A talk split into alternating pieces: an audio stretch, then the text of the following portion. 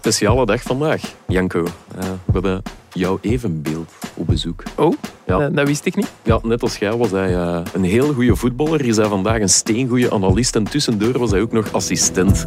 Wel bij de Rode Duivels, niet bij de podcast. Maar je snapt, de gelijkenis, de gelijkenis is treffend. Toch? Van die goede voetballer wil ik toch even nuanceren. Ja, dat gaan, dat gaan we meteen... Allee, over mezelf ja, dan. Ja, in mijn geval wil je zeggen. Ja.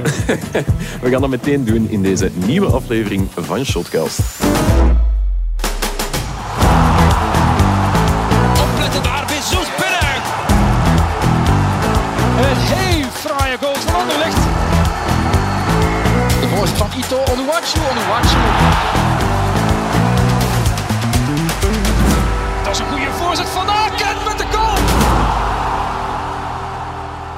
Dag meneer Snollers, of uh, mag ik Eddy zeggen, of Edward, of uh, zeg maar. Ik zou het liefst hebben dat u Eddy zegt, denk ik. Dan zal ik het uh, bij Eddy houden. Dag Eddy, hoe is het? Prima, dankjewel. Ja, blij dat je hier bent. Je bent hier al eens geweest, vorig jaar of twee jaar geleden, ja, denk ik. zoiets moet dat geweest zijn, ja, een jaar of twee geleden. Dat was een geweldige uitzending. Ja, ah, wel, we hebben er ook heel veel positieve commentaren op gehad. Het was Tornado Eddy, was een van de omschrijvingen die Ja, er is geen enkel vraag gesteld. Er is geen... Ah nee, omdat je... Ja, ja er is we, misschien... we te praten is geen enkel vraag gesteld. Dat was ook de bedoeling, want de vragen zijn dikwijls te moeilijk. Is dat zo? Ja, ja. we proberen ze te vermijden. Ja, niet zo bescheiden zijn. Maar we, we hebben er een paar mooie meegebracht. Daar gaan we uh, direct aan beginnen. En Dag Janko, Janko Beekman, ook aanwezig. Dag Lars, goedemorgen. Ja, je hebt van het weekend nog eens geschot, zeg ik op Twitter. Je zag het ook toen ik hier binnen wandelde, nog licht mankend. Uh, ja, en in een rolstoel en zo. Allee, je kon er wel niet naast kijken. Zeg eens, uh, gevoetbald? Ja, ik uh, ben gaan meedoen aan Twittervoetbal. Okay. Een, een, toernooi waar een hele hoop twitteraars aan, aan deelnemen, waaronder ik zelf ook. We hebben dat toernooi gewonnen. Ja. Al moet ik ook dat even nuanceren, want ik ben na twee wedstrijden uitgevallen met een, met een kuitblessure. Okay. Contractuur. Ja. Eddie, jij zit ook op Twitter? Uh, alleen bij de WK's en de EK's. Ah ja, oké. Okay, dus maar ik volg het wel zo, maar ik ben zelf geen vervente twitteraar. Nee, dus is het dan voetbal je dan met het, het, toestel in de hand? nee, effectief. Er dat is waren... mij heel Twitter. Dat is ja. een match van nee. 50 miljoen tegen... Ja. Maar dat toernooi is wel gesponsord door een, een gsm-merk, ik denk Oppo of zoiets. En er waren dus mensen die effectief een gsm op hun, op een t-shirt ah, ja, en zo hadden gebonden en aan de golen en zo. Dus Allee. de social media waren wel aanwezig in de wedstrijd. Ja, oké. Okay. Ja, fijn om te horen. Twittervoetbal, ja, ja. volgend jaar opnieuw, denk ik. Um, maar als je het niet erg vindt, gaan we toch eerst over echt voetbal praten. Elke week vragen onze vrienden van Biwin zich af wat er te onthouden valt van het competitieweekend. En wij, wij geven hen maar wat graag het antwoord. Heren, de titelstrijd ligt weer uh, helemaal open sinds gisteren. Uh, met dank aan Club Brugge, dat uh, met 0-2 gaan winnen is op Union. En zo de leiding heeft overgenomen ja, wat moeten we onthouden van die wedstrijd, Eddy? Dat Brugge ongelooflijk veel geluk heeft gehad. Dat het uh, volledig tegen de gang van zaken, tegen het scenario in was. Mhm. Dat ze eigenlijk gewonnen hebben, dat moeten we durven erkennen. Want Union was de betere ploeg, de meeste kansen gehad. Mhm. En dat natuurlijk van zijde, als je van, uh, van, uh, van held naar van hero naar zero kan gaan op heel Mhm. korte tijd. Dat is nu inherent aan het voetbal. Ja. En heeft dat nu gisteren niet meegemaakt. Hij heeft ook de andere kanten natuurlijk al lange tijd meegemaakt. Het hero gebeuren, maar gisteren Mhm. was het natuurlijk het zero gebeuren. Trouwens, en niet alleen. Ik vind dat het duo voorin het er een beetje laat afweten, zowel Mhm. in Antwerpen als nu. Dus, Want zij Ja. waren wel mee bepalend om het puntenverlies. Mhm. En dan zie je maar hoe snel de wedstrijd kan kantelen. Want het, het, eh, die strafschop was een scharniermoment. En dan Mhm. eh, de ingreep van, eh, of de noodzakelijke ingreep van Schreuder heeft er ook mee te maken natuurlijk. Ja, want daar, daar wil ik eigenlijk mee beginnen. Het was opvallende keuzes van Schreuder. Hij zette niet alleen Skof Olsen, toch wel man in vorm de laatste weken op de bank. Buchanan verschoof naar rechts, de ketelaren op links. Ja, wat vonden we ervan? Of wat, ja, wat was het idee van uh, de clubtrainer? Het idee was van vooral uh, veel, uh, veel kracht hebben in het, in het centrum Mhm. van, het, van, het, van de ploeg. Ja, dus Balanta te ja. komen. Hè. Maar toen Mhm. voetballistisch is dat een pak minder. Je mag hem de bal niet geven. Je moet hem Nee. vooral afnemen als hij aan de bal komt. Mhm. Maar ja, je hebt natuurlijk wel verdedigend wat meer structuur, wat meer gewicht. En dat was vooral de bedoeling, het respect voor de tegenstander. Want eh, er was Mhm. toch wel wat, eh, wat angst bij Brugge, blijkbaar. Want anders dan ga je niet vier posities verschuiven om één man eh, eigenlijk Mhm. te moeten vervangen. En dan was het ook voor ons en voor iedereen, denk ik, merkwaardig dat je dan Skof eigenlijk Olsen uit het, uit het elftal haalde. Want Ja. dat was inderdaad iemand die diep ging had, die makkelijk scoorde. En dan noodzakelijkerwijze, omdat je toch weinig greep kreeg op die wedstrijd, is het dan toch gebeurd dat hij erin gekomen is. En dat heeft toch mee de kentering veroorzaakt. Mhm. Ja. Ja. Maar, want je zegt nu al van dat een, er is een verdedigende keuze om Balanta en Odoi te zetten. Maar anderzijds, als ik ja, op de flanken Buchanan, de ketelaar zie, dan nog Van Aken en Lang en Adamian. Voor mij klinkt die opstelling heel aanvallend, maar dat kwam er niet helemaal uit eigenlijk bij club. Nee, vooral Buchanan en, en de ketelaar zeker. Ja, dat was een soort positie, vooral verdedigend. Hè? Want ik heb de ketelaar op de linkerkant vooral eh, achter, uh, achter zijn tegenstander zien lopen, dan dat hij eigenlijk uh, over zijn tegenstander ging. Mm Buchanan iets minder en Buchanan wil ze vooral dood doen met dan nog eventjes die die Japaner er nog in te zetten, want eerst uh, stond hij dan tegen, de, tegen Lapoussin. Lapoussin. Lapoussin. Ja. Mitoma kwam er dan in. En Mitoma kwam er dan in. En die, vooral met de bedoeling van omdat hij dacht, maar zo van die kant daar kan ik het wel plat lopen, want die heeft mm al heel veel moeten lopen. Dat is dan niet gelukt, want Buchanan is vrij goed recht gebleven. Ja, heeft zich fysiek staan. Ja, ja maar, en je rekende dan vooral op de diepgangen van Adamia, maar dat begon mhm. goed, maar dat viel al vrij snel weg. Dus dat, je had eigenlijk naar voren toe weinig mm aanspeelpunten. Ook Van Aken, ik, ik, las wel links en rechts dat hij bij de uitbreng. Ik vond het belangrijk zijn doelpunt, maar ik vond hem in de wedstrijd zelf tot de 1-0. Nee, dat vond ik ook niet. Want en niet alleen gisteren, nee. hij, heeft al minder gespeeld in de voorbije wedstrijden. Mhm. Maar, maar goed, dat doelpunt is natuurlijk belangrijk en dan word je ook belangrijk in je elftal. Ja. Maar uh, ik vond hem niet zo, zo aanwezig zoals we dat uh, van sommige momenten van hem kunnen verwachten. Nee, want het leefde wel een beetje. Hans van Aken moet zijn ploeg bij de hand nemen, moet dirigeren, de lijnen uitzetten. Nog altijd een van zijn grootste kwaliteiten natuurlijk. Um, gisteren wel beslissend, een typische Van Aken goal, ja. dat dan weer wel. Ja. Maar over de hele lijn toch te weinig. Ja, en dat is zo'n probleem bij Van Aken dat, niet, uh, dat zich niet alleen dit jaar stelt. Elk mhm. jaar bij die play-offs, zoals verleden jaar is ook een paar keer discussiëabel geweest. Is er wat gesproken van, we gaan hem erin zetten, niet inzetten, gaat hij spelen. Iedereen zegt, dat kan toch niet, na zo'n goed jaar, dan moet je hem toch zeker zetten. Mhm. Hoe kom je, er kom je erbij van dat niet te doen? En, en nu opnieuw, die voorbije week, ook tegen Antwerpen, ook verleden week mhm. tegen Anderlecht het was niet echt de Van Aken die we kennen. Oké, je verwacht er natuurlijk wel heel veel van. Mhm. En je hebt weinig alternatieven, want hij is inderdaad degene die de lijnen kan uitzetten. En als hij wegvalt, is er voor Brugge wel een probleem, dat mhm. weten we. Mhm. Maar het was daarom ook dat het bij Brugge de laatste weken moeizamer ging tegen Antwerpen. Toch maar ugh, eventjes net over de streep. Op Anderlecht een heel goed half uur, maar daarna eigenlijk kunnen verliezen. Dus ja, het was minder. In dat doelpunt zal hem zeker vast wel deugd gedaan hebben. Maar het heeft natuurlijk de aanzet gegeven tot, tot eigenlijk de opluchting van oké, we zijn er terug bij. Ja, het is uh, zoals ik zei, een typische Van Aken goal. Is dat dan ook niet een beetje falen van Union? Want bij die fase, zo druk bevolkt was die 16 meter. Nee, nee het, was, maar het was natuurlijk een, snelle tegenaanval. En niemand had nog verwacht dat die bal voor doel ging komen. En ik vond vooral Beger daar niet echt goed staan. Nee, Hij had meer oog voor de bal dan voor zijn tegenstander. Mhm. En daar heeft hij Van Aken gebruik van gemaakt. Zet eerst dat stapje vooruit, ja, dan twee of drie die, Hij volgt die fase. Hè. Mm Hij heeft geen aandacht voor zijn tegenstander. En dan volg je die fase, volg je die bal, zet je die stap vooruit. En die kan je nooit meer achteruit zetten. En zeker hij niet, zo, de linker niet. Mhm. Dus dat was een, een, probleem. Maar ja, doelpunten hebben altijd een oorzaak natuurlijk. Ja, dus, is dat. Goeie um, voorzet ook trouwens van Ja, heel, ja, absoluut. Weer beslissend. Ja. Uh, niet voor het eerst. Um, we zaten het hier net al, de penalty van Union. Om te beginnen, ik wil er nog even op terugkomen. Om te beginnen was het er één. Discussiabel. Nee, ja? nee, nee, volgens, dus, nee, nee, nee, volgens mij niet. Dus het was al een, een, een weggever. Nu, mhm. in de, in, dat mag je natuurlijk zo niet stellen. In de context van de wedstrijd vond ik het wel oké. Vond ik het wel. Ja. Dat Union de mhm. mogelijkheid kreeg. Ze hadden ook het meeste druk gezet. Ze hadden ook het agressiefste gespeeld. Ze hadden de halve kansjes gehad die Brugge nog niet had gehad. Maar dat neemt niet weg. Toch, je wordt toch niet beloond? Nee, Allee, daarom, dat neemt niet weg dat het geen mhm. strafschot was. dus het was voor hen wel een bekroning geweest van het feit dat ze veel beter waren. Maar eigenlijk hadden ze het op een andere manier moeten krijgen. Mhm. Maar het was eh, volgens mij... Uh, Mechelen was er ook uh, heel verbouwereerd over en dat hij gelijk had. Lazare zet zijn linkerbeen, als ik het goed heb, op het, op het wel heel wijd om, om toch dat contact ja, te zoek het contact. Hè. Ja, ja. Het Kodat noemen wij dat. Kodat, Karel Kodat contact. Het wat? Het Karel Kodat contact. Oké, okay, leg, leg eens uit. Nee, ja. Karel Kodat had de, de kunst op Antwerpen van, van in die situaties, zoals nu Lazar zit, altijd de tegenstander. was een van de eerste die dat deed. En iedereen wist van, het gaat nu gebeuren. Ja. Er was natuurlijk geen VAR in die ja, tijd. Nee, nee, ja. We hadden nog met mijn moeder een, een gewone camera om de wedstrijd in Maar die was daar een, eh, dat was de absolute specialiteit van Karel. De allergrootste voetballer aller tijden op Antwerpen. Dat overdrijf ik nu een beetje. Maar, maar die, eh, die zocht het contact. Soms, in soms in situaties dat je zegt van ja, ik kan alleen nog maar met de bal over de lijn lopen. Even in de hoek van de 16 meter. Maar hij wist natuurlijk, was een tegenstander in de buurt heel dicht. En dikwijls ook, en dat is natuurlijk het probleem van een verdediger, die happen. Hè. Ja. De verdediger hapt nog altijd, ook al voelt hij dat die bal ja, die gaat naar de buitenkant. Toch, mhm. of, een, of een speler die uit de 16 gaat, dan zeg je soms van hoe is het mogelijk dat je nog reageert. Maar als verdediger heb je het instinctief, doe je dat dan toch nog wel eens. Maar ja, nu, Michel hapte niet eigenlijk, want hij nee. zijn eigen in. En toch zit Lazar zijn been er nog tegen. Dus ja. heel slim gedaan van Lazar. Ja, maar heel matig dan weer van de VAR. Was niet de eerste keer. vind ik ook. Als je dan verleden week uh, de, de penaltyfase op, uh, ziet, op die we veel duidelijker was. En de hier kan je nog zeggen, goed, die moet ik eens goed twee, drie keer kijken wie heeft mhm. wie aangetikt. Ja, dat snap ik ook wel. Ja, Maar uit het wel moeten, de ja. het wel moeten zien. En nu de penalty zelf uh, van Zaire, ja, hij mist hem. Uh, Mignolet pakt hem dus niet, hij ging gewoon naast. Ja, titelstress? Of toch, toch een beetje... Maar ik vond hem ook midden in de wedstrijd zitten sowieso. Want er waren verschillende fases ook in de eerste helft waar hij dan vrij werd gespeeld. En in, tegen Anderlecht bijvoorbeeld gaat hij met de bal naar binnen in de 16. Maakt hij zijn eigen hoek groter voor te scoren. Hier ging hij naar buiten. naar buiten. Het slechte controle, altijd naar buiten, twee, drie keer.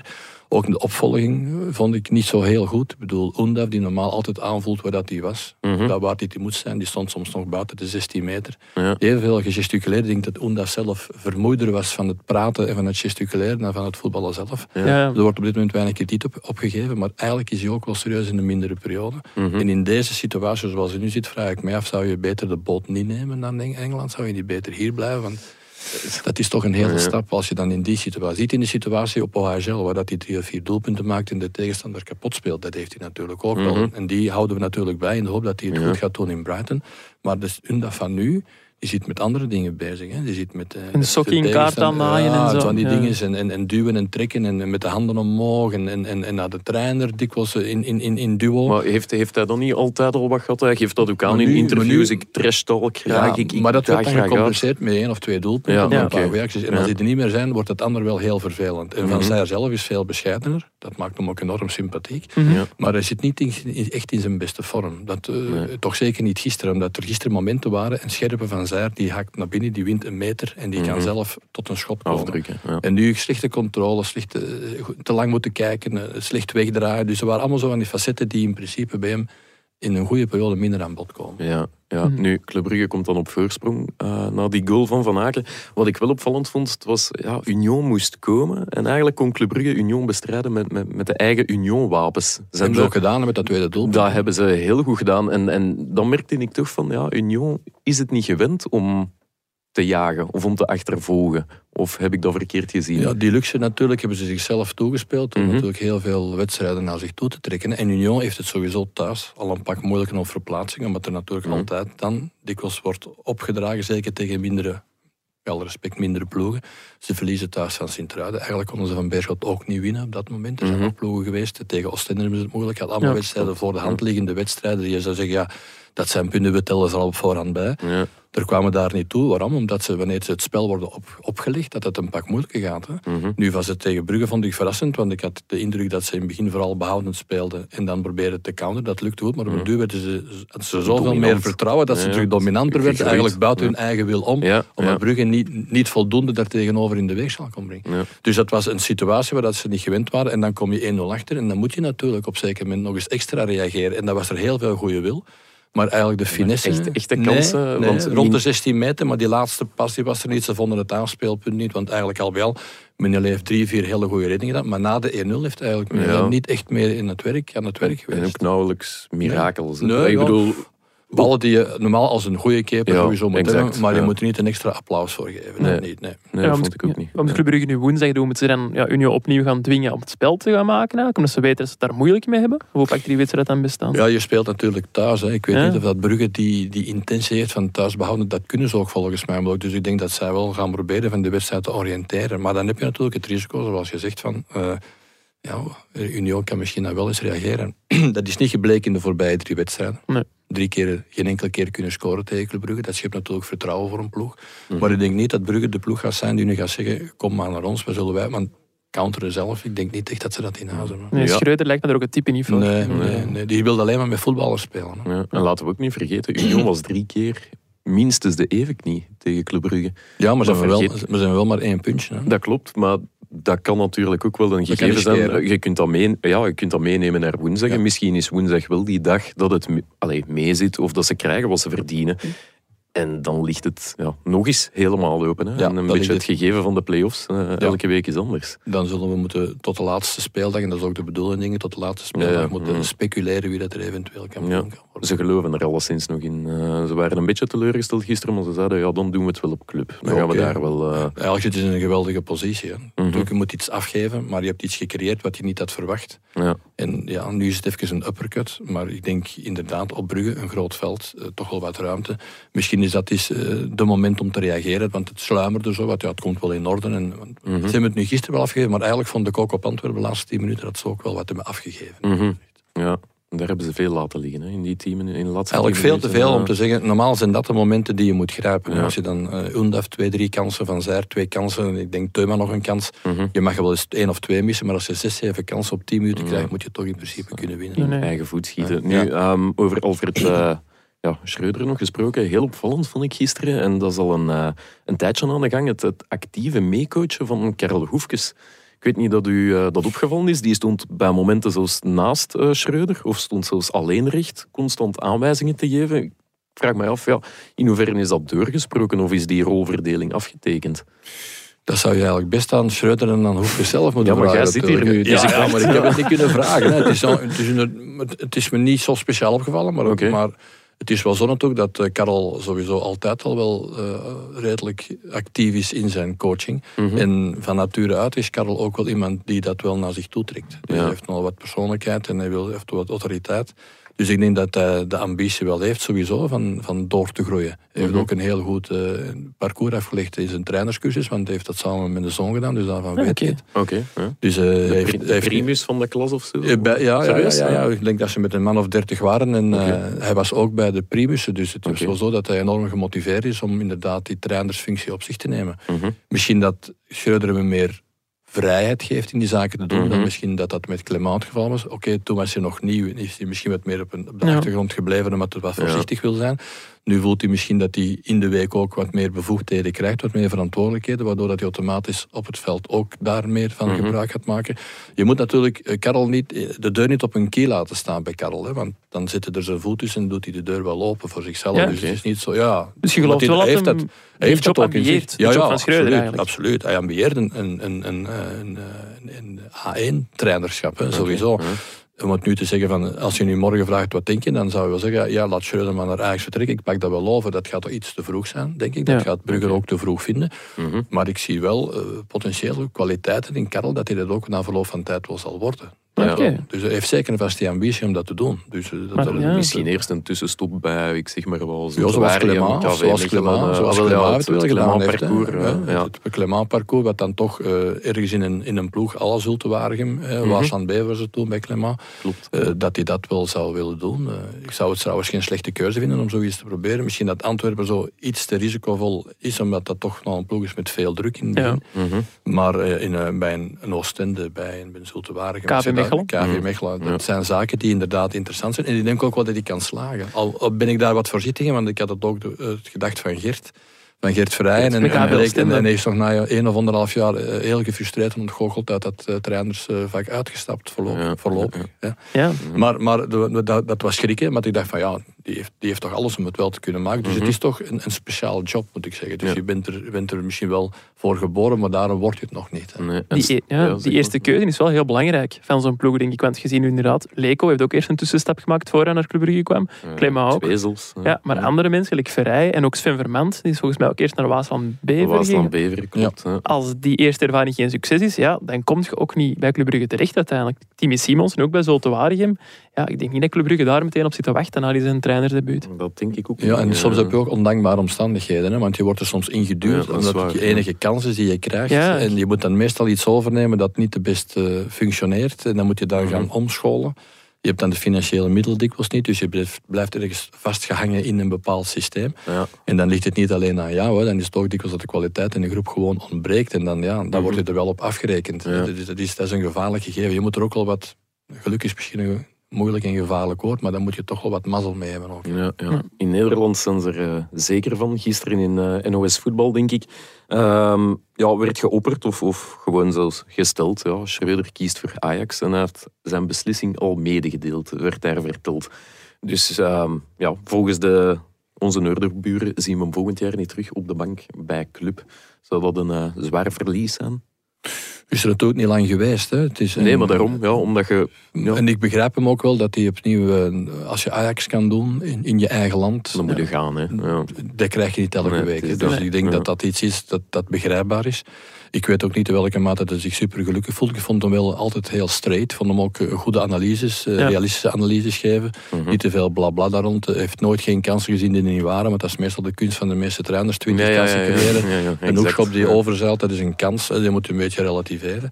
Dus dat doet hij zeker vast nooit niet. Dus eh, dat vind ik, dat vind ik het wel een, wel een, een goede trainer. Maar ja, ik weet niet, kwestie van menselijkheid, relationeel, zijn training opbouw daar heb ik hmm. eigenlijk weinig, weinig Hij heeft wel geen schrik van uh, heilige huisjes. Nee, nee, Als we kijken naar dat, Ruud Vormer, ja, uh, nu al lang ook uh, dat even op de bank gezet. Alle Nederlanders waren super gelukkig dat die kwamen. En ze hebben alle drie niet gespeeld. Er zijn er twee bij die eigenlijk niet meer aan bod komen. Hè. Bas Lost en, uh, en Ruud Vormer. Ruud Vormer Nu begrijp ik wel natuurlijk naar Ruud Vormer toe dat het wel bijzonder pijnlijk is. Want als je dus 10, 11 weken niet kan spelen op zijn ouderdom, met alle respect. Dus je mhm. moet het dan doen op trainingen en je moet dan ineens een ander licht inkomen en je wordt er dan op afgerekend. Ja. Terecht, het was niet goed.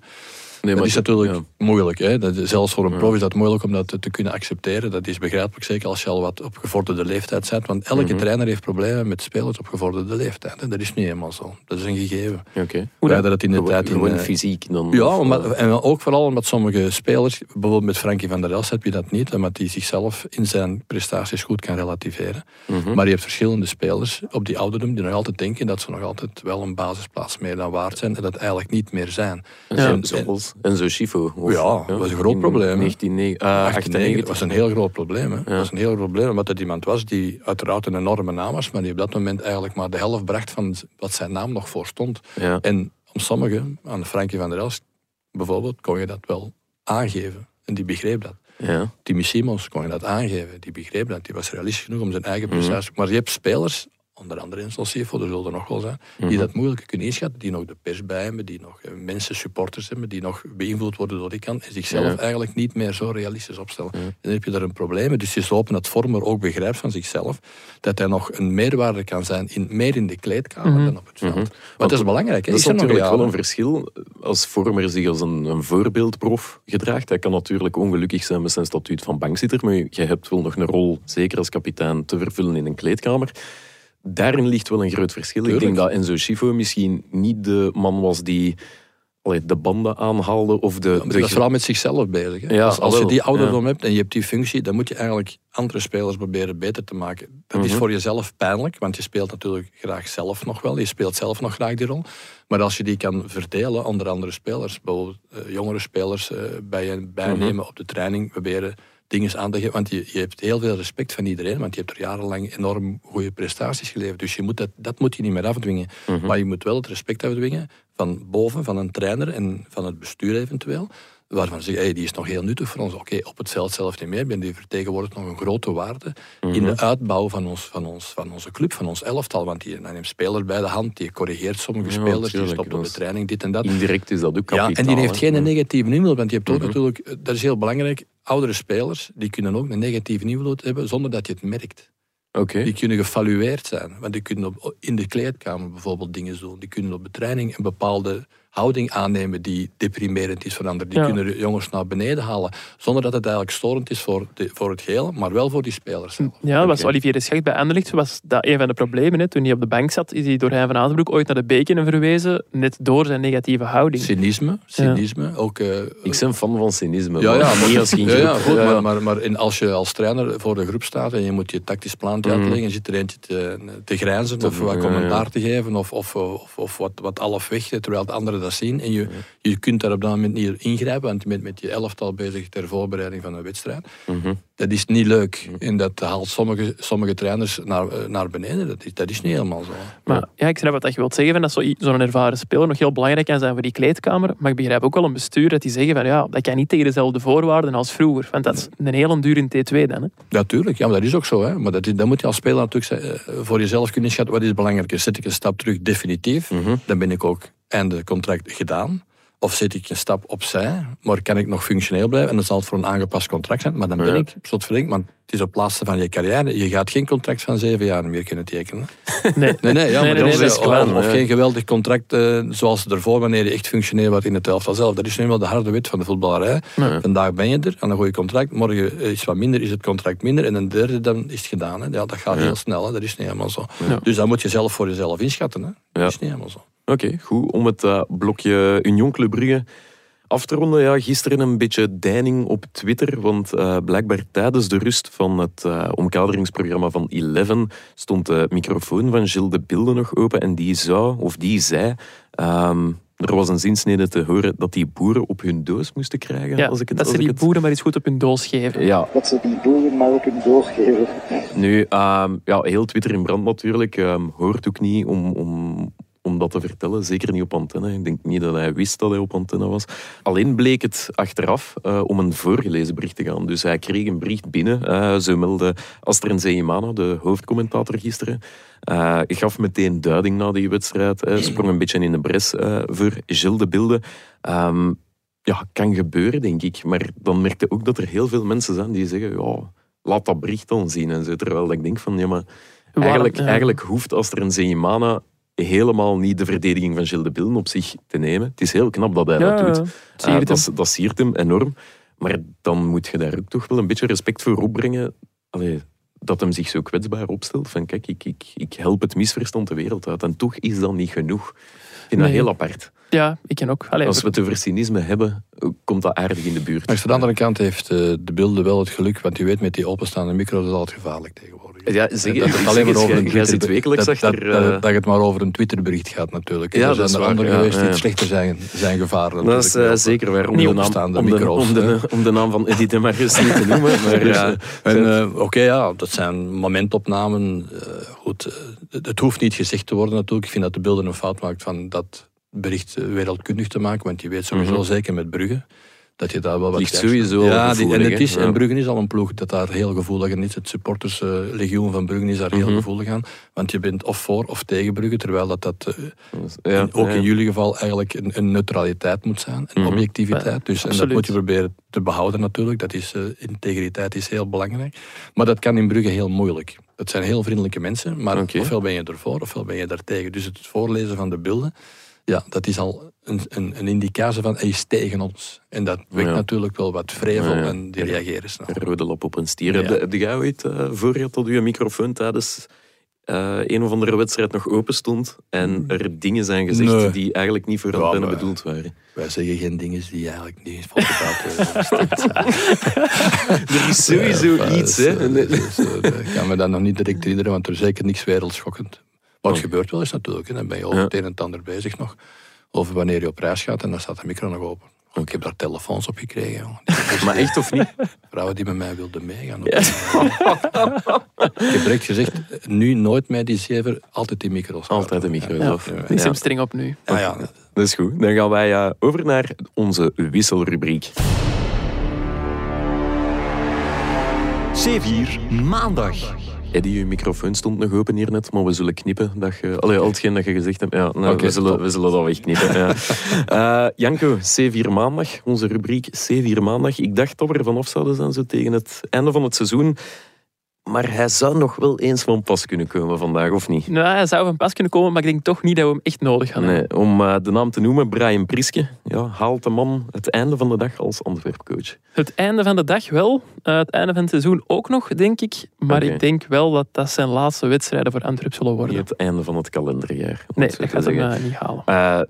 Nee, vertel waarom eh, was het gisteren zo slecht? Hè? We zullen daarmee beginnen. Antwerp-Anderlecht 0-4. Ja, daar zit natuurlijk al een eh, indicatie in, maar eh, Ja. doe eens het verhaal van die wedstrijd. Ja, ik vond de eerste helft was niet goed. Niet van Anderlecht, niet van Antwerpen. Eigenlijk zeer weinig kansen. Antwerp speelde in, in een 3-5-2, zoals de voorbije weken tegen Club Brugge en Union. Waren eigenlijk ehm, vrij hoopgevende wedstrijden. Op Club Brugge dan wel verloren. Tegen Union gelijk spel. Maar je had voor Mhm. de eerste keer in weken toch het gevoel dat er iets stond bij Antwerpen. Dat ze een duidelijk plan hadden. Ja. Dat was tot de rust ook zo. Ze kregen dan wel een doelpunt tegen. Nou ja, een beetje... Maar, allee, heel matig uit voetballen van de, eh, de Soleil en eh, vooral slecht Buté. Ja, slecht. ja, zeg het maar. Ja. Ehm, en dan ja, bij de rust voelde Priske zijn moment gekomen om, om van systeem te wisselen. Eigenlijk terug te grijpen naar zijn favoriete systeem met die viermansdefensie. Vier. Zoals hij ook al tegen Union had gedaan. Had toen ook slecht kunnen aflopen. Had Ja. toen het geluk dat, dat Van Zer en Oendaf de kansen niet afmaakten.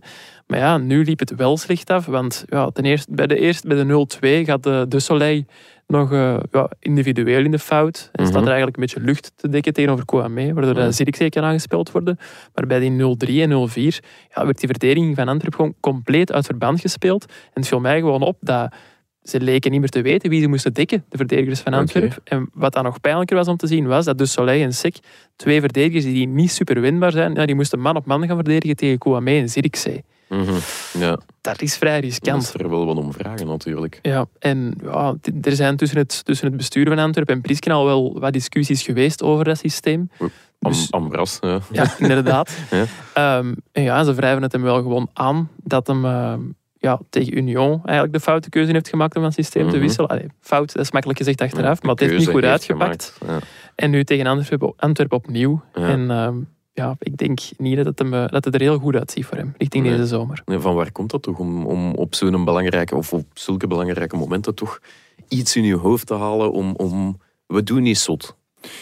Eh, ik denk vooral eh, de poging om het tijd te doen keren, eerlijk Mhm. gezegd. Mhm. En dan risico's nemen. Hè. Eh, Je zegt nu een viermansverdediging. Ik, ik vond er zelfs geen mans, viermansverdediging staan meer, eerlijk gezegd. Het werd zo een, Tweemans, voorkeur gespeeld. eh, ja, ja, ja, ja, er was, was geen positieneming niet meer. De, de Soleil stond op een zeker moment tegen de zijlijn, tegen de, zijlijn, eh, tegen de dugout eh, te verdedigen. En eh, de ene stapte uit, de andere liep naar achter. Dus het was een volledige cacophonie. Dus ja, op die moment. En het gevaar voor een trainer is de nederlaag, de zwaarte van de nederlaag. 0-4 is heel zwaar. Ja. De 0-2 is nog iets anders. Ja, Ja. En, maar je bent natuurlijk op een zeker moment 0-2 is weer naar elkaar te kijken. de- wie heeft het gedaan? Wat, moet, wat moeten we nu gaan doen? Dus de, de, Mhm. de- er is geen oplossing meer voor op dat moment. Nee. En dan valt alles uit elkaar. Ja. Was Want het- ook dat middenveld was niet meer bestaan. Ja, Nee. dat ging ik net vragen. Was Niks, het zo dat iedereen naar elkaar aan het Ja, kijken niks, was? Of, eh, Niks. Dat gevoel had ik wel, want Ja. allee, ik vind de voorbije weken het middenveld Yusuf Verstraat en Angolan werkte best goed eigenlijk. Met Haroun, die veel oploste met gaten dicht te lopen. vooral- Eddie is niet akkoord. Nee, maar ik vond vooral de inbreng van Haroun in het begin van de play-offs vond ik eigenlijk een, Goed, hè? een- goed. Dat Ja, was. Want het heeft me altijd verbaasd waarom het zo lang duurde dat hij eigenlijk opnieuw mocht spelen. Hij bestrijkt Mhm. veel terrein. Hij is belangrijk. Oké, hij is niet de fijnste voetballer, maar hij is, hij is voor een ploeg als An- Antwerp, zeker, dat is be- bewezen in de tijd met Beleuni, was hij heel belangrijk. Was Ja. de, de belangrijke man. Maar gisteren... Nee, gisteren had hij, had hij een off-day, zoals Ja. veel andere. anderen. Maar we spreken nu, oké, met alle respect, ik vind Antwerp gewoon kwalitatief, voetbaltechnisch, heel het ganse jaar, te zwak. Nee, Mhm. akkoord. En ja. iedereen wrijft het maar in een boot van Priske. Dat is Mhm. makkelijk. Hè? Mhm. Maar al bij al heeft hij, vind ik niet, kwalitatief de beste spelers gekregen. Voetballistisch. Als Benson, Maar op papier is dat toch... Is, Ja. dat toch is die kern toch dik oké? Die kern is dik oké. Als je Ja. die in een groep zet, zoals hij nu de laatste weken geprobeerd en je maakt daar een blok van, dan Ja. kan je daar een vervelende tegenstander van maken. Ja. Maar, maar zelf de ploeg zijn van, we gaan het hier creëren en we gaan de opening. Misschien was daar vooral op Nangalan gerekend, maar ik vind Nangalan een hele goede speler, daar Mhm. van. Maar ik vind dat hij van te hoog moet komen. Ik vind niet. Nangalan moet van dieper komen. Naast de verdediger, is geen verdedigende middenvelder, maar van naast de verdedigende middenvelder, vandaan moet je de lijnen uitzetten en moet je spelers voor hem hebben, die Mhm. het kunnen forceren. Maakt 22 golen. Kunt er geen bal aan kwijt, hè, met alle respect. Nee, dat is wel waar. Sorry, dat is, eh, Benson is uw beste creatieve speler. Ja, klopt. En eigenlijk, als je een goede ploeg wil hebben, nu ga ik natuurlijk misschien Manuel Benson wat pijn doen, moet eigenlijk Benson de speler zijn met een vraagteken. Speelt hij of speelt hij niet? Ja. Ja. Moet iemand zijn die is twee weken kan of Ja. eigenlijk. en dan drie, vier weken op de bank en is inkomen en is voor een verrassing zorgen. Mhm. En dan ja, moeten we eigenlijk terug, want gisteren ook, het wordt heel veel tijd om hem terug naar de bank te pakken, want Ja. zijn creativiteit is aan het afbotten. En dat is Mhm. normaal, dat is, zijn gabarit is beperkt. Dat die jongen alles uit zijn kast moet halen, week na week, om de drie dagen, dat is te zwaar voor hem. Maar die heeft natuurlijk kwalitatief, technisch, voetballistisch wel kwaliteiten, zeker en vast. Maar Mhm. ik wil alleen maar zeggen, ze hebben wel de duurste spelers. Samatta zit in de top 5 van de veelverdieners. Mhm. Nangelaan zit in de top 5 in België bij de veelverdieners. Balikusha 7 miljoen Maar, gekost. maar dat lost Ja. niet het probleem op dat je dan creativiteit in je ploeg extra gaat krijgen. Dat Nee. heb je dus niet. En daar zit Antwerpen het ganse jaar mee geconfronteerd. En dat wordt vijf keer op Priske uitgewerkt. Mhm. Want het was niet de fout van het beleid van de aankoop, het was de fout van Priske van het inzetten van zijn spelers. Mhm. En elke keer op het juiste moment heeft hij nog kunnen winnen, heeft hij dat, heeft hij dat verdikt kunnen uitstellen. Ja. Dat werkt niet, hè? Sorry, hè. Als je, als, je, hè. als je een heel jaar tijd eh, de strop boven je hoofd Mhm. ziet hangen, Ja. ze moeten hem een beetje naar beneden doen en aantrekken. Ah nee, we gaan hem losmaken terug, want je hebt terug een paar weken wat beter. Ja. Dat werkt niet. Dat geeft ook geen, Nee. geen draagkracht in de ploeg. Nee. En ik vind het nog heel straf dat heel die ploeg, die voetballers, op zeker moment nog zijn kant hebben gekozen na de dispuut met hun voorzitter. Ja. Want op Ja, moment is het dat gemakkelijk, zeker voor de niet geselecteerde of niet Mhm. titulaars, te zeggen, hey, pst, als je daar een oudere in hebt zitten, die niet altijd mag spelen, dan heb je het zitten. Ja, straf, Ja. want Faris Haroun had dat kunnen zijn dat had eigenlijk. kunnen zijn. En Ja. heeft dat niet gedaan. Die heeft zelfs nog gezegd van nee, ik doe dat niet. Dus dat waren momenten dat je kunt zeggen van ja, hier is hem definitief weg. Mhm. En dan werd het moeilijk voor Gijzen, want ze hadden wel eens gewonnen, om hem dan nog eventueel naar de deur te zetten. Maar welke werkingskracht heb je eraan dat je verliest of achterstaat met een laftijn en je voorzitter komt elke keer naar beneden, zijn gedachten zeggen wat het allemaal moet zijn. Ja. En je moet, oké, het is uw werkgever, dus je moet er respect voor hebben, maar dat respect moet een beetje op Ja. sommige momenten Dat wederzijds zijn. ongeschreven wet dat, dat, zoiets niet, dat je zoiets niet doet. En, en uw draagkracht in uw groep, die verdwijnt volledig. Ja, dat wordt dan mocht je nog tien keer op tafel ja. slagen, dan zeggen ze, dat, ja, hij slaagt de tafel niet kapot, hè, jong. Want Ja. ja. voordat ik ze wittel kon vertellen. Ik bedoel, Ja, ja. dat werkt niet. en hij nee. heeft ook, en ik zeg, dan kunnen ze zeggen, ja, ik heb hier een fantastische ploeg en ik haal er niks uit. Nee, hij had geen fantastische ploeg. Helemaal niet. Nee. Ik vond zijn ploeg heel beperkt, zeker in balbezit, een heel beperkte modale maand. Ik het viel is gisteren ook op, want dat is ook het ding in 3-5-2. Alles moet eigenlijk komen van een Benson of een Angolan. En het viel wel op dat de, de twee backs, Sam Vines en Jelle Bataille, veel hoger speelden dan de voorbije weken. Maar ja, van Jelle Bataille en Sam Vines gaat het niet komen. Ik zat- Sorry. Ja. Sorry, sorry, bij alle respect, als je, dat zijn ook mensen voor de verbreding van uw kern. Ja, ja, ja. Maar als je de strijd moet aangaan voor een top 3 met Jelle Bataille op rechts en, en Vines op links, dan gaat het. Hè. Ik zat eh, naast een eh, niet nader genoemde Antwerp-analyst met een staartje. En die Ja, zei tegen mij... Begin dan maar eens te zoeken. Ja. Als, het eh, nee, als Sam Vines ooit vijf assists geeft in één seizoen, dan net ik met een schoen op. Oh, Ja, dus dat mogen we wel pakken, heeft hem gezegd. Oké. Vijf, vijf assists. Ja. Nou, hoeveel zit hem nu eigenlijk? Want eh, ik, ken, ik ken de man zijn Ja, maar je moet, je ook eens kijken in, in balverlies, in doelpunten tegen, hoe dikwijls dat die jongens erbij betrokken zijn. Ja, hebben een positionele fout Ja. of eventueel. Oké, die doen hun best. Hè. We gaan niet zeggen dat die, dat die totaal onbekwaam zijn, dat is iets anders. Maar dat zijn goede jongens om de verbreding van uw kern. Maar als je de ambitie hebt van ik wil hier top 3 en ik wil challengen, nu dit jaar met Union, oké, dat is misschien niet een uitzonderlijk seizoen, maar vooral met Club Brugge en misschien binnenkort terug met Anderlecht, ja, dan gaat je toch die posities wel beter moeten invullen hoor. En dan is maar de vraag, oké, Overmars is een goede zaak, zeker een goede zaak. Ondanks hetgeen misschien dat er allemaal gebeurt. Goede zaak als je het zuiver sportief betreft, bet- bekijkt, goede zaak. Maar die mens, die moet ook natuurlijk zijn bewegingskracht. En als je ziet, als dat Antwerp nu al heel veel geld uitgeeft. Hè, Mhm. want als je ziet, Mhm. hij moet elke keer zijn begroting gaan bijpassen. Hè, moet elke keer een kapitaalsverhoging doen. Dan vraag ik me af, hoe ver gaat Overmars kunnen gaan om in principe spelers kunnen aantrekken. Eriksen is een, is een interessant ding, een interessante weg die bewandeld wordt. Daar is sprake van, dat die, Is dat zo? mogelijkheid, Ja. ja, dat die mogelijkheid zou zijn. Oké. Maar zelfs in Brentford gaat het toch, als je hem daar wilt weghalen, gaat het toch wel wat geld moeten betalen voor mensen alle Eriksson te kunnen Plus krijgen. loon, plus... eh Ja. ja. Oké. Eriksen op de lijst van Ja, eh, Antwerpen. ik noteer dat hier alvast. Ja, eh, En dan qua coach, want ja, dat is nog een klus die Marco Overmars te wachten staat. Wellicht als we een klein beetje op de feiten vooruit lopen. Een nieuwe coach bij Antwerp. Ja, dan denk ik meteen aan een gerenommeerde. Alleen eh, toch iemand die al iets bewezen heeft. Dus met alle respect, het zal niet eh ja, Timmy Simons of, of, of Wouter Franke, denk ik ook niet dat ze dat risico gaan nemen. Ik denk dat ze echt voor een grote naam Het zal iemand zijn dat Eh. goed kan samenwerken met Overmars. Ja, ja, wel, iemand komen. Daar wil ik eigenlijk een beetje naartoe. En, en zien wij dan al opties? Pff, Wie zit daar zo'n beetje in dat, in dat? Ja, ik weet niet of dat ze per se voor een, een grote Nederlandse naam zullen gaan. Want we moeten ook zeggen, Erik ten Hag, toen die bij Ajax kwam, was ook geen grote naam. Dat is daar een grote naam geworden ook. Hè. Die is daar Ja, in het begin wel, De eerste, ja. de eerste Ja, ja. twee, drie Ja, maanden die hebben ze hem vooral eigenlijk onder de gordel willen raken. Hè? Ook met zijn, eh, met zijn spraakvermogen en met, hij sprak Ja, dan ja, ja. dialect en van die Ja, zaken. een tukker. Er waren, ja, Mhm. er waren dan twee, drie mensen die hem echt alleen maar daarop eh, wilden pakken.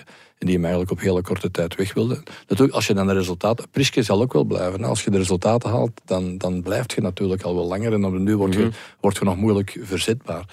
Maar eh, het zou wel iemand zijn, moeten zijn die, eh, die toch wel goed zou kunnen samenwerken met, eh met Marky. Ik denk dat de kans groot is dat hij Nederlands zal spreken. Ja. Ja. Met Marky. Inderdaad. Ehm, om Antwerpen af te ronden, ik heb eens opgezocht. En Sam Vines heeft al een seizoen eh, gehad waarin hij vijf assists heeft gegeven. Het Dat zal dan het, in de VS geweest het zijn. hè. gezegende jaar 2018 bij, eh, als ik me niet vergis, Charlotte Independence. Dus eh, Patrick Goot mag mes en vork bij de hand nemen en eraan beginnen. Ehm, nu ja, Antwerp, allemaal goed en wel, maar laat ons ook niet vergeten, Anderlecht. Hè. Ehm, ja, 0-4 op Antwerp, dat is natuurlijk, ligt niet alleen aan het, aan het mindere presteren van Antwerp zelf. Eh, hoe goed was Anderlecht gisteren? In de eerste helft ehm, niet super, eerlijk gezegd. Ik vond ze vrij weinig creëren. Jonge ploegen. Ja, jonge ploeg. ja. Ik denk dat het eh, de, de jongste basisploeg was eh, van dit seizoen in eh, de Belgische hoogste klasse. Ik denk eh, 22,9 jaar oud. Nou, als je die namen zag. Arnstad, eh Canna, Verbruggen in doel door de blessure van, van Krombrugge. dat doet al veel natuurlijk. Als je, ja. Maar dat is een 1B-ploeg. hè. Allee, Ja, ja, Qua leeftijd is er een belofteploeg, ja, 1B-ploeg, hè? Absoluut, ja. ja. Ehm, en dan ja, de grote man Amuzu. Ehm, hoe zeggen ze dat weer? De ketchupfles. eh gaat eens openspatten, meteen drie goals in één wedstrijd. Eh, Het probleem is natuurlijk dat je met één keer drie doelpunten niet je probleem van eh, je scorend vermogen Nee, oplost, dat hè. vind ik ook. Ik ben gisteren happy, happy Ja. ever after. Hetzelfde van Ja. Arnstad te- tegen, tegen Club Brugge. Dat was een goed debuut. Maar we mogen daar ook niet zeggen van wauw, het was nog eens uh, wildy wildy. Dus we moeten nog even afwachten. Je Ja. weet met jonge mannen hoe dat gaat. Het is vandaag pieken en morgen is het in een diep dal. mhm. En Anderlecht heeft dat al een paar jaar meegemaakt met verschillende spelers. En eigenlijk waren ze daar weer op weg naartoe. Hè. Want al bij al, de Mhm. finale van de beker was matig. De eerste wedstrijden waren ook vrij matig. Eigenlijk tegen Brugge hadden ze na een half uur eigenlijk één of twee 0 moeten achterstaan. Dat is toen niet gebeurd. Dus je moet nog altijd wat afwachten. Maar ze hebben natuurlijk wel wat potentieel, extra potentieel in hun ploeg. Als je met veel jonge mannen kunt aantreden, dat geeft natuurlijk voor de toekomst wel een beter beeld. En ze werden ook gewoon geholpen gisteren door Antwerpen. Wat dat we net zeiden, ja. hoe dat Antwerpen uit positie ging bij momenten. Ja, als je Amuzu ruimte geeft, kan die voetballen. Ja. Het is een, een speler die het gewoon moeilijk heeft tegen gesloten verdedigingen. Alleen, alleen moet ik zeggen dat Amuzu die bal had hem niet binnentrapte. Zo heeft hem er al meer gehad. Die had hem niet binnentrapte. Dus dat was dan weer het pech ja. Antwerpen dat hij die wel afmaakte deze keer. Want dat zijn we van hem ook niet echt gewend. Maar Nee. ze hebben bijvoorbeeld wel met een Kouame, een stevige jongen vooraan, die nou wel wat verdiensten heeft. Ze hebben eh, daarachter met Sirikse, die misschien in de toppers niet altijd aanwezig is, maar toch heel veel aanspeelbaar is en toch wat kwaliteit heeft. Ze hebben wel wat in hun ploeg natuurlijk. Ja. 16 goals uiteindelijk, ja, dit seizoen al. Ja, Maar tegen de toppers wat minder. Hè. Ik denk dat hij maar één of twee tegen topploegen heeft gemaakt. Dus maar de vraag of hij blijft straks. Ik denk dat de kans klein is. Eh, het Ja. financiële plaatje zal... eh, Dure vogel, hè? dat is een hele dure vogel. Ehm, nog even over Amuzu, Janko. Uh, waren jij niet de man die hem altijd te matig vond voor Anderlecht? Of, eh, Ja, ik, ik heb vorige, vorige week in een andere podcast gezegd dat dat, eh, ja, dat, dat iets te weinig is veranderd. Ja. Inderdaad. In zo'n Arnstad zie ik intrinsiek meer kwaliteit dan Amuzu. Dus als er zo nog coaches zijn in België die, die een spits hebben die ze graag op scherp willen zetten, dan mogen ze mij altijd bellen. Ik, ik regel dat. Eh, Oké, ja.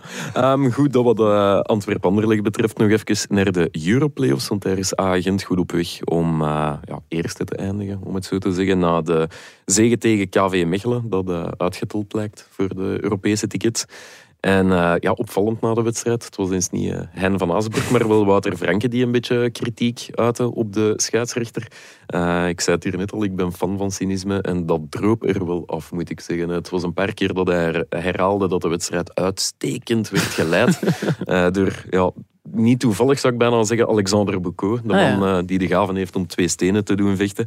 En het werd wel grappig, want Franke die zei, ja, voor aanvang van de play-offs was er een meeting van het referee department om de regels uit te leggen, om wat meer wederzijds begrip te creëren. En ik was de enige coach uit de Euro-playoffs die daarop aanwezig was. Waarop Van Aasbroek zijn duit in het zakje deed en zo een beetje mompelde. Volgend jaar zal het ook niet meer gaan, zeker. en Franke moest, be- Franke moest bekennen, nee, het heeft geen zin. Dus ja, Franken eigenlijk... is toch weg. Hè. Ja. Franken is toch weg, ja. En misschien wel naar Antwerpen. Ja, nee, niet naar Antwerpen. Gent misschien. Zou Van Azenbroek blijven? Denken we nog? Ze zijn nu aan het onderhandelen. Ehm, Ik denk dat Van Azenbroek die bekerwinst uh, heeft genomen om zijn contract wat uh, bij te stellen, denk ik. Uh, ja, maar misschien is dat het. Werkt dat uh, zo, ja? Het is nu niet dat de Witten en Louagie uh, bekend staan om het feit dat ze het geld langs ramen en deuren naar Nee, nee, nee, maar de Witten en Louagie hebben nu wel een geschiedenis gehad uh, na Van Haasbroek die niet, niet echt succesvol was. Het is heel veel geld Nee, uitgegeven dat en, klopt. en eigenlijk is Van Dat Haasbroek opnieuw daar gekomen om, Om te ruimen, om op te ruimen te wat er na hem En hij is ook de enige die tegen die voorzitter kan zeggen, nu gaat het uit de krant blijven.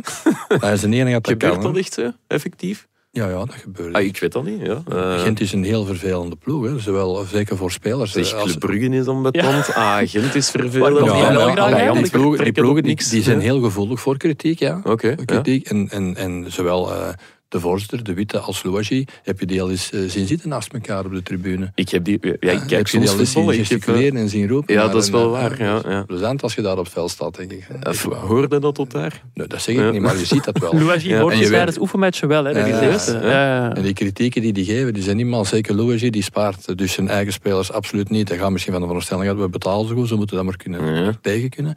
Maar dat is niet altijd de goede werking. En voor een trainer is, een, is, is dat een moeilijk duo om mee Ja. samen te werken. Samen te werken. Hè. Om, omdat, je, omdat je er misschien, zoals Hein van Azenbroek dan zo goed doet, er je een klein beetje moet durven boven Ja, zitten. en je, en je komt altijd in een moment dat de situatie uitzichtloos is. Ja. Van Azenbroek is opnieuw gekomen in de situatie dat het bij Gent redelijk, Ja. redelijk uitzichtloos was. Mhm. Ze hebben een tijd in de rechterkolom geparkeerd geweest. In die Ja, moment. absoluut. En ze komen van Champions League voetbal. Dus na het Champions League voetbal en het vertrek van Van Azenbroek. Ik zeg niet dat de passages van Van Azenbroek in andere ploegen zo succesvol waren. Dat is iets anders. Mhm. Maar voor ploegen, à la Kortrijk, à la Gent, is Van Azenbroek de geknipte man. Die kan die ploeg opnieuw coördineren. Die kan daar zijn stempel op drukken. Die moet daar naartoe carte blanche krijgen. Ja, en, dat dat krijgt. Ja. en dat krijgt hij van de Witte dan wel. Waarom? Omdat ze hem dan terug binnenhalen in een situatie dat ze het niet meer zien zitten. Dan hebben ze al vier trainers hun kop afgekapt in tussentijd. En al helemaal in, in stukjes, uh, en mij pre, pre, preparé van gemaakt. Ja, Brut, Brut van gedaan. Dus, dus ja, dan, dan, dan is Van Aasbroek de geknipte man om daar... En die kan zeggen tegen de Witte en tegen... Nu gaat het is vier maanden niet in de krant komen. Oké. Nu gaan we het je zoon gelijk ik het zeggen, nu gaat er niet in komen. dat, dat op zich is al een prestatie. ja, ja, en dat wordt, dan, dat wordt dan bij Van Haasbroek wordt dat geaccepteerd. Dat Maar- is dan de uitstraling van Van Het Haasbroek. ding is natuurlijk ook wel... Hij, hij, En dat doet het dan wel, hè? Voilà, exact. Ja, ja. Dat, Nee, dat nee, ga ik je dan ook wel zeggen. Nee, je kunt geen twee jaar niet doen, hè? Dat nee, gaat niet. ah, wel, Nee, nee, nee, voilà. nee, dus eh, dat wordt Ja, natuurlijk dat wordt wel... geleidelijk eh, aan zie je dat verbeteren. En dan is er een, een piek natuurlijk. Dat is nu weer de bekerfinale. De finale de winst geweest. Mhm. Dus nu is het weer afwachten naar volgend jaar toe. Het kan ook zijn volgend jaar. Na, na vier, vijf maanden dat het niet klikt. Dat, hem, dat, hem Mhm. dat is het leven van een trainer natuurlijk helemaal. Maar hij is wel een van de weinigen die dat wel kan, kan Ja. forceren. Oké, Janko, ga nog een eh, prangende mening over Hein. Nee, ik vraag me gewoon af of het wel een, een, een gezonde situatie is dat je zo'n trainer carte blanche geeft. Want ja, ooit gaat die trainer ook weg, krijgt hij een aanbieding van ergens anders. En dan zitten er wel met al die spelers Ja. die op die trainer zijn afgesteld eigenlijk. En Ja. dat een andere trainer het daarmee gaan doen. Is het niet logischer dat je sportief directeur een kern samenstelt en tegen zijn trainer zegt van hier moet je het mee doen. Je kan ook vertrekken, hè? Een technisch sportief directeur. Dat is, ja, dat is ook waar, maar dat gebeurt naar mijn aanvoelen minder vaak. Ja, Als, als die wat dat- foto's... ja, nee, laat maar. ja, Niks die wat gezegd. sympathiek is eh, bij het personeel en zo, moet je ermee oppassen. Eh, Dat is eigenlijk niet om mee te lachen, Nee, we mogen dat dat niet doen. Ehm, goed, dan gaan wij over naar het volgende. Hè. Ja, bij wijze van afsluiter steken wij nog eens de grens over, Janko. Oei, Naar onze- weer grenzen overschrijden. Ja, we steken, de, we steken de grens over naar Nederland. Want eh, ja, daar deze week het nieuwtje dat is binnengekomen. Edgar Davids wordt assistent bondscoach Ja, bij eh, Oranje. De assistent, de rechterhand van eh, Louis van Gaal. Wel opvallend. We hebben intussen Thomas Vermalen. Daar is het Edgar Davids. Ehm, ben ik mis als ik- als ik zeg dat dat twee verschillende culturen hier heel mooi tot uiting komen? Misschien Thomas Vermalen iets meer in het verlengde van Martinez.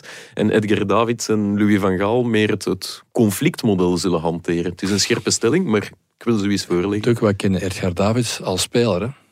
Eh, ja, Ja, ja, niet als vriend, als speler. Niet als, Ja. eh, naast, naast, het, eh, naast de zijlijn, aan de zijlijn kennen wij hem eigenlijk niet. Dus ik Nee. kan niet oordelen over het feit hoe dat hij daar relationeel, als je weet, een, een hulptrainer, zijn belangrijkste bijdrage is dat hij een, een brug vormt tussen de trainer en tussen de spelers. Dus als hij goed ligt bij de spelers, Ja. dan kun je daar wel een pak mee verder. Want dan Ja. kan hij met een probleem of, of bij iets aan te brengen, kan hij wel problemen oplossen voor een trainer. Dat is, Mhm. eigenlijk, dat is eigenlijk zijn job. Hè. Ja. Was dat uw grootste kwaliteit als assistent? Want jij bent er ook lang assistent geweest hè, bij de Rode Duivels Ik heb het meer. twee keer gedaan. Hè. Eerst twee jaar bij George en Ja. dan nog een jaar of vier bijna bij mij. Dus ik heb wel wat jaren gedaan. Ja. Mhm. Dat, dat is ook zo. Hè. Je, je, geeft wel wat, eh, wat eh, bijtraining, je geeft wat opwarmingen. Je geeft wat, ook in groepen dat er gedaan wordt, dan, dan heb je een bepaalde groep. Maar je, bent eigenlijk, je staat dichter bij de spelers dan eigenlijk een trainer. Je zou dichter bij de spelers moeten staan. Want als Ja. jouw trainer, want ik zie dat wel graag gebeuren, echt constant tussen de spelers staat, dat is ook geen goed teken. Nee. Ah, Want dan krijgt hij op den duur ook niks meer gedaan van die spelers. Dat is het probleem. Hij Mhm. mag geen vriend van zijn spelers zijn. Hij mag wel eens tussenkomen en de spelers moeten tevreden zijn dat een trainer er eens bij komt. Mhm. Maar als je samen weggaat in het geluid, heb je niet graag dat de trainer nog iets extra mee gaat drinken. Want die hoort eigenlijk in die groep dan Ja, niet meer thuis. Ja. Dus en dat is meer de job van een, van een, een, een assistent. die- Mee, op, mee op café gaan is de kerntaak van... eh, dat is van- één van de belangrijkste taken. Dat is mooi meegenomen. Dat is een van de belangrijkste taken. Dus iedereen is op het- voor assistent. Is de invulling van een job ook veranderd door doorheen de jaren. Ik kan me inbeelden als we nu Thomas Vermalen horen vertellen of bewierookt horen worden door Roberto Martinez. En zijn oefeningen zijn fenomenaal. En, en, Ik neem dat allemaal wel een Eh, beetje met een korreltje zout. Je moet het toch? verantwoorden. Ja, je moet, je moet zeker. Thomas is een heel eh, is een speler eh, geweest met veel uitstraling. Ook een intelligente man. Dus Slim, die, die zal veel opgepikt hebben langs alle kanten. Maar die is aan zijn eerste jaar bezig. Maar je moet naar de buitenwereld wel een verantwoording afleggen. Waarom neem ik nu die ineens? En we zijn hier met, met 20 of 30 andere kandidaten die alle cursussen helemaal doorlopen hebben. En hij komt ineens met een, met een korte versie, mag je ineens meedoen. Dus dat moet je ergens kunnen verantwoorden. Nu, Martinez heeft een status opgebouwd in België waar dat hij zich wel wat kan permitteren. ja, hij is ook technisch Eh, direct. Als, eh, ja, hij is wat van alles. Maar, van alles, maar ja. ja, na, na Rusland heeft hij wel een status opgebouwd, waardoor dat hij wel tegen de stootje kan. Dus als hij Mhm. dat dan wil doorlukken, dan gaat dat ook wel lukken. Maar toch moet hij wat verantwoording afleggen naar iedereen. Zeggen van, waarom neem je die eigenlijk? En eh, je neemt hem alleen al, vind ik, voor zijn staat van verdienste als international. Dat Ja, is al een dat reden ging, te mee. dat ging ik vragen. Dat is sowieso... Natuurlijk, sowieso. En, die, en ja. zijn- zijn ervaring als trainer is niet heel, dat moeten we durven onderschrijven. Maar dat kan heel snel opgekrikt worden door de ervaring die hij heeft als speler opgebouwd. Hè. Dus Ja. dat zijn zaken die allemaal staan. Dus ik heb geen enkel probleem met het feit dat Thomas dat wordt. Ik vind dat een, een logische voortzetting. Misschien had het één of twee jaar later mogen zijn, dat hij nog eens ergens anders zou zijn. Maar dat hoeft eigenlijk niet te zijn, omdat hij verstandig genoeg is om zich in te schakelen. Ja. En wat gaat hij doen? Hij gaat extra trainingen geven, hij gaat bijtrainingen geven, hij gaat individuele trainingen geven aan spelers die terug aan het komen zijn of, of spelers die niet, in, niet als titulaar zijn, want dat is in, in het moeilijkste. Dat is die mannen tevreden houden.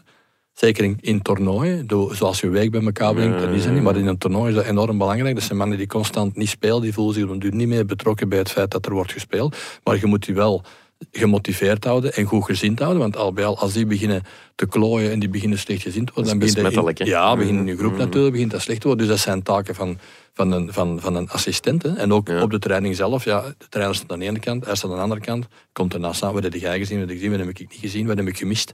Uit verschillende perspectieven bekijken, van welke Mhm. kant er kan.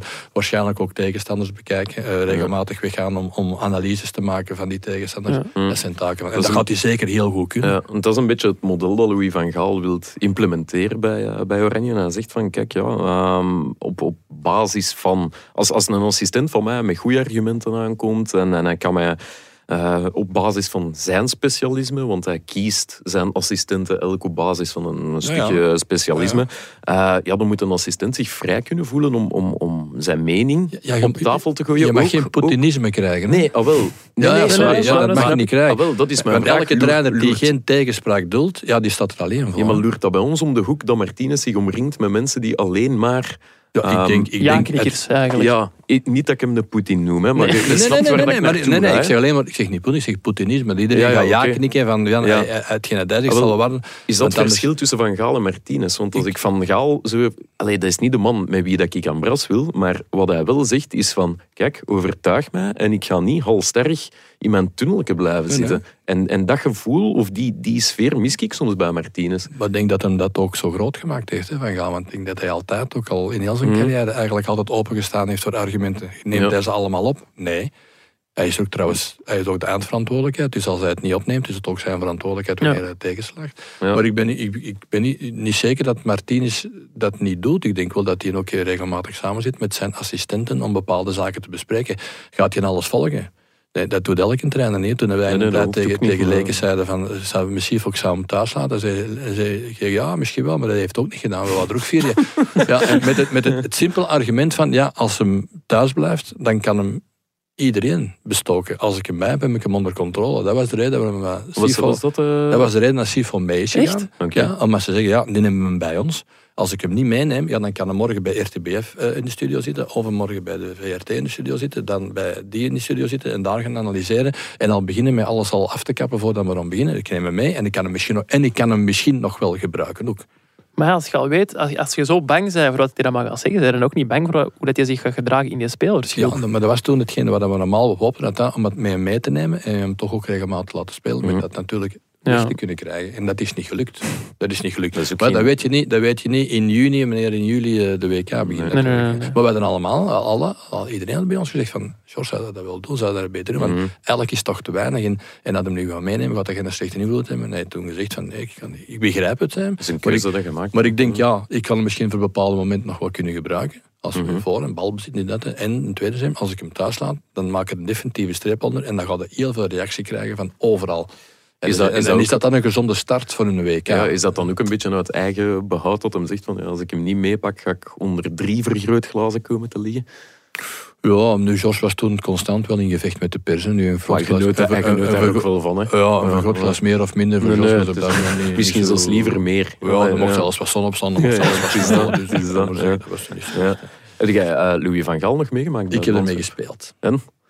Matige voetballer, volgens de Nee, overlevering. eh, Een hele goede voetballer, maar te traag. ja. Ah, oké. Dat is gelijk kon als er geen bal, Ja. kon er geen bal. Ja, die- dat is ik ook eigenlijk een beetje. Maar ja, Ja, we zijn nog één Ja, maar- kunnen kaarten. Ja. Ja, nee, wij hebben samen, dat was in mijn, in mijn jeugdjaren, wij hebben nog denk ik twee jaar samen, samen, Oké. samen, samen Ja. gevoetbald. En, en, en destijds, zo, zijn persoonlijkheid, zijn... Ja, moet ik het zeggen, dat was, die dat was een? Nederlander van boven de, van boven de dijk. Hè. De dus dat is dijk, een andere ja. mentaliteit. Hè, Ja. weet. Dus het- Grote en- mond echt, of? Ja, ook. En ook, ook dik- dikwijls verongelijkt waarom hij niet mocht spelen. Dus natuurlijk, Ja. Hij had ook wel gelijk, want voetbaltechnisch was Louis goed. Alleen Louis speelde achter de spitsen.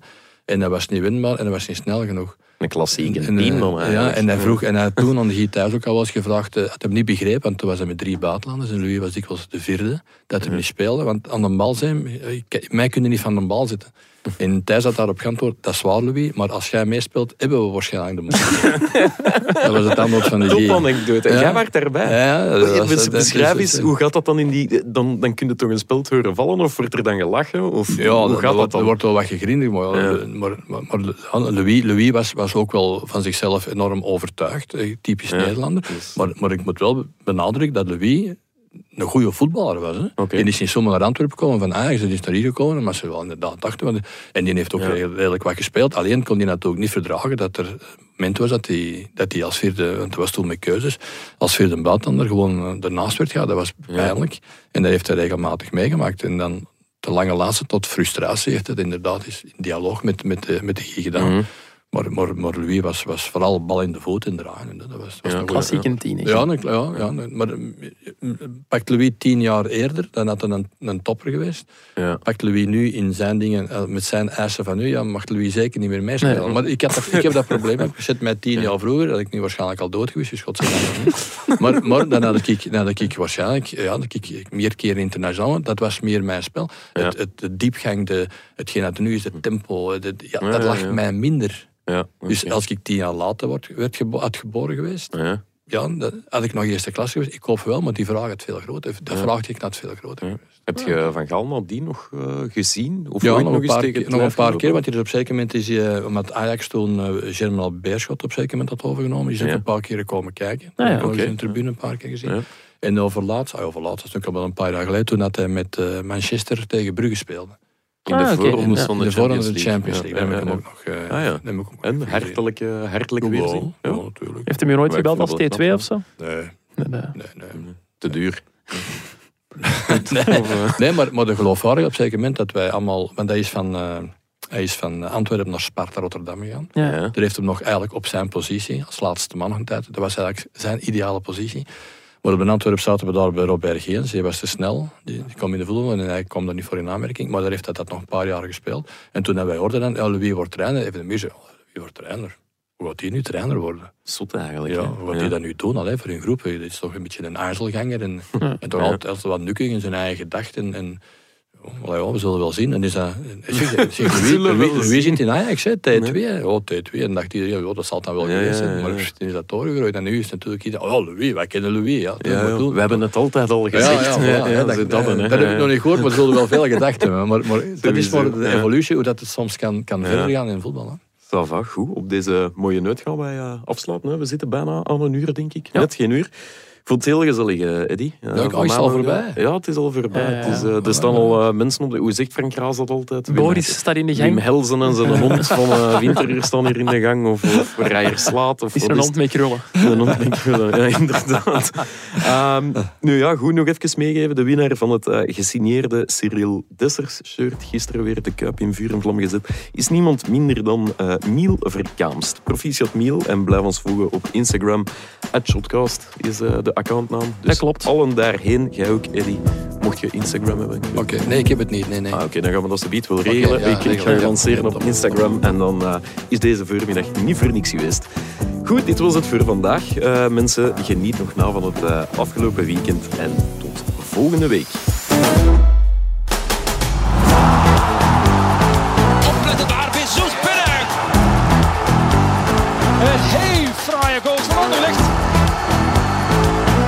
van Ito. Onuwachu, Onuwachu. Dat is een goede voorzet van Zin in nog een shotcast? Beluister dan onze Actua-afleveringen op maandag of onze interviews met spraakmakende gasten in onze afleveringen op donderdag. Bij het Nieuwsblad kan u ook nog terecht bij onze wielerpodcast Koers is van ons, onze politieke Actua-podcast Het Punt van Van Impe of onze crimi-podcast De Stemmen van Assise. Ook Slimmer Leven en ons magazine Billy kan u niet alleen lezen, maar ook beluisteren. Tot een volgende keer.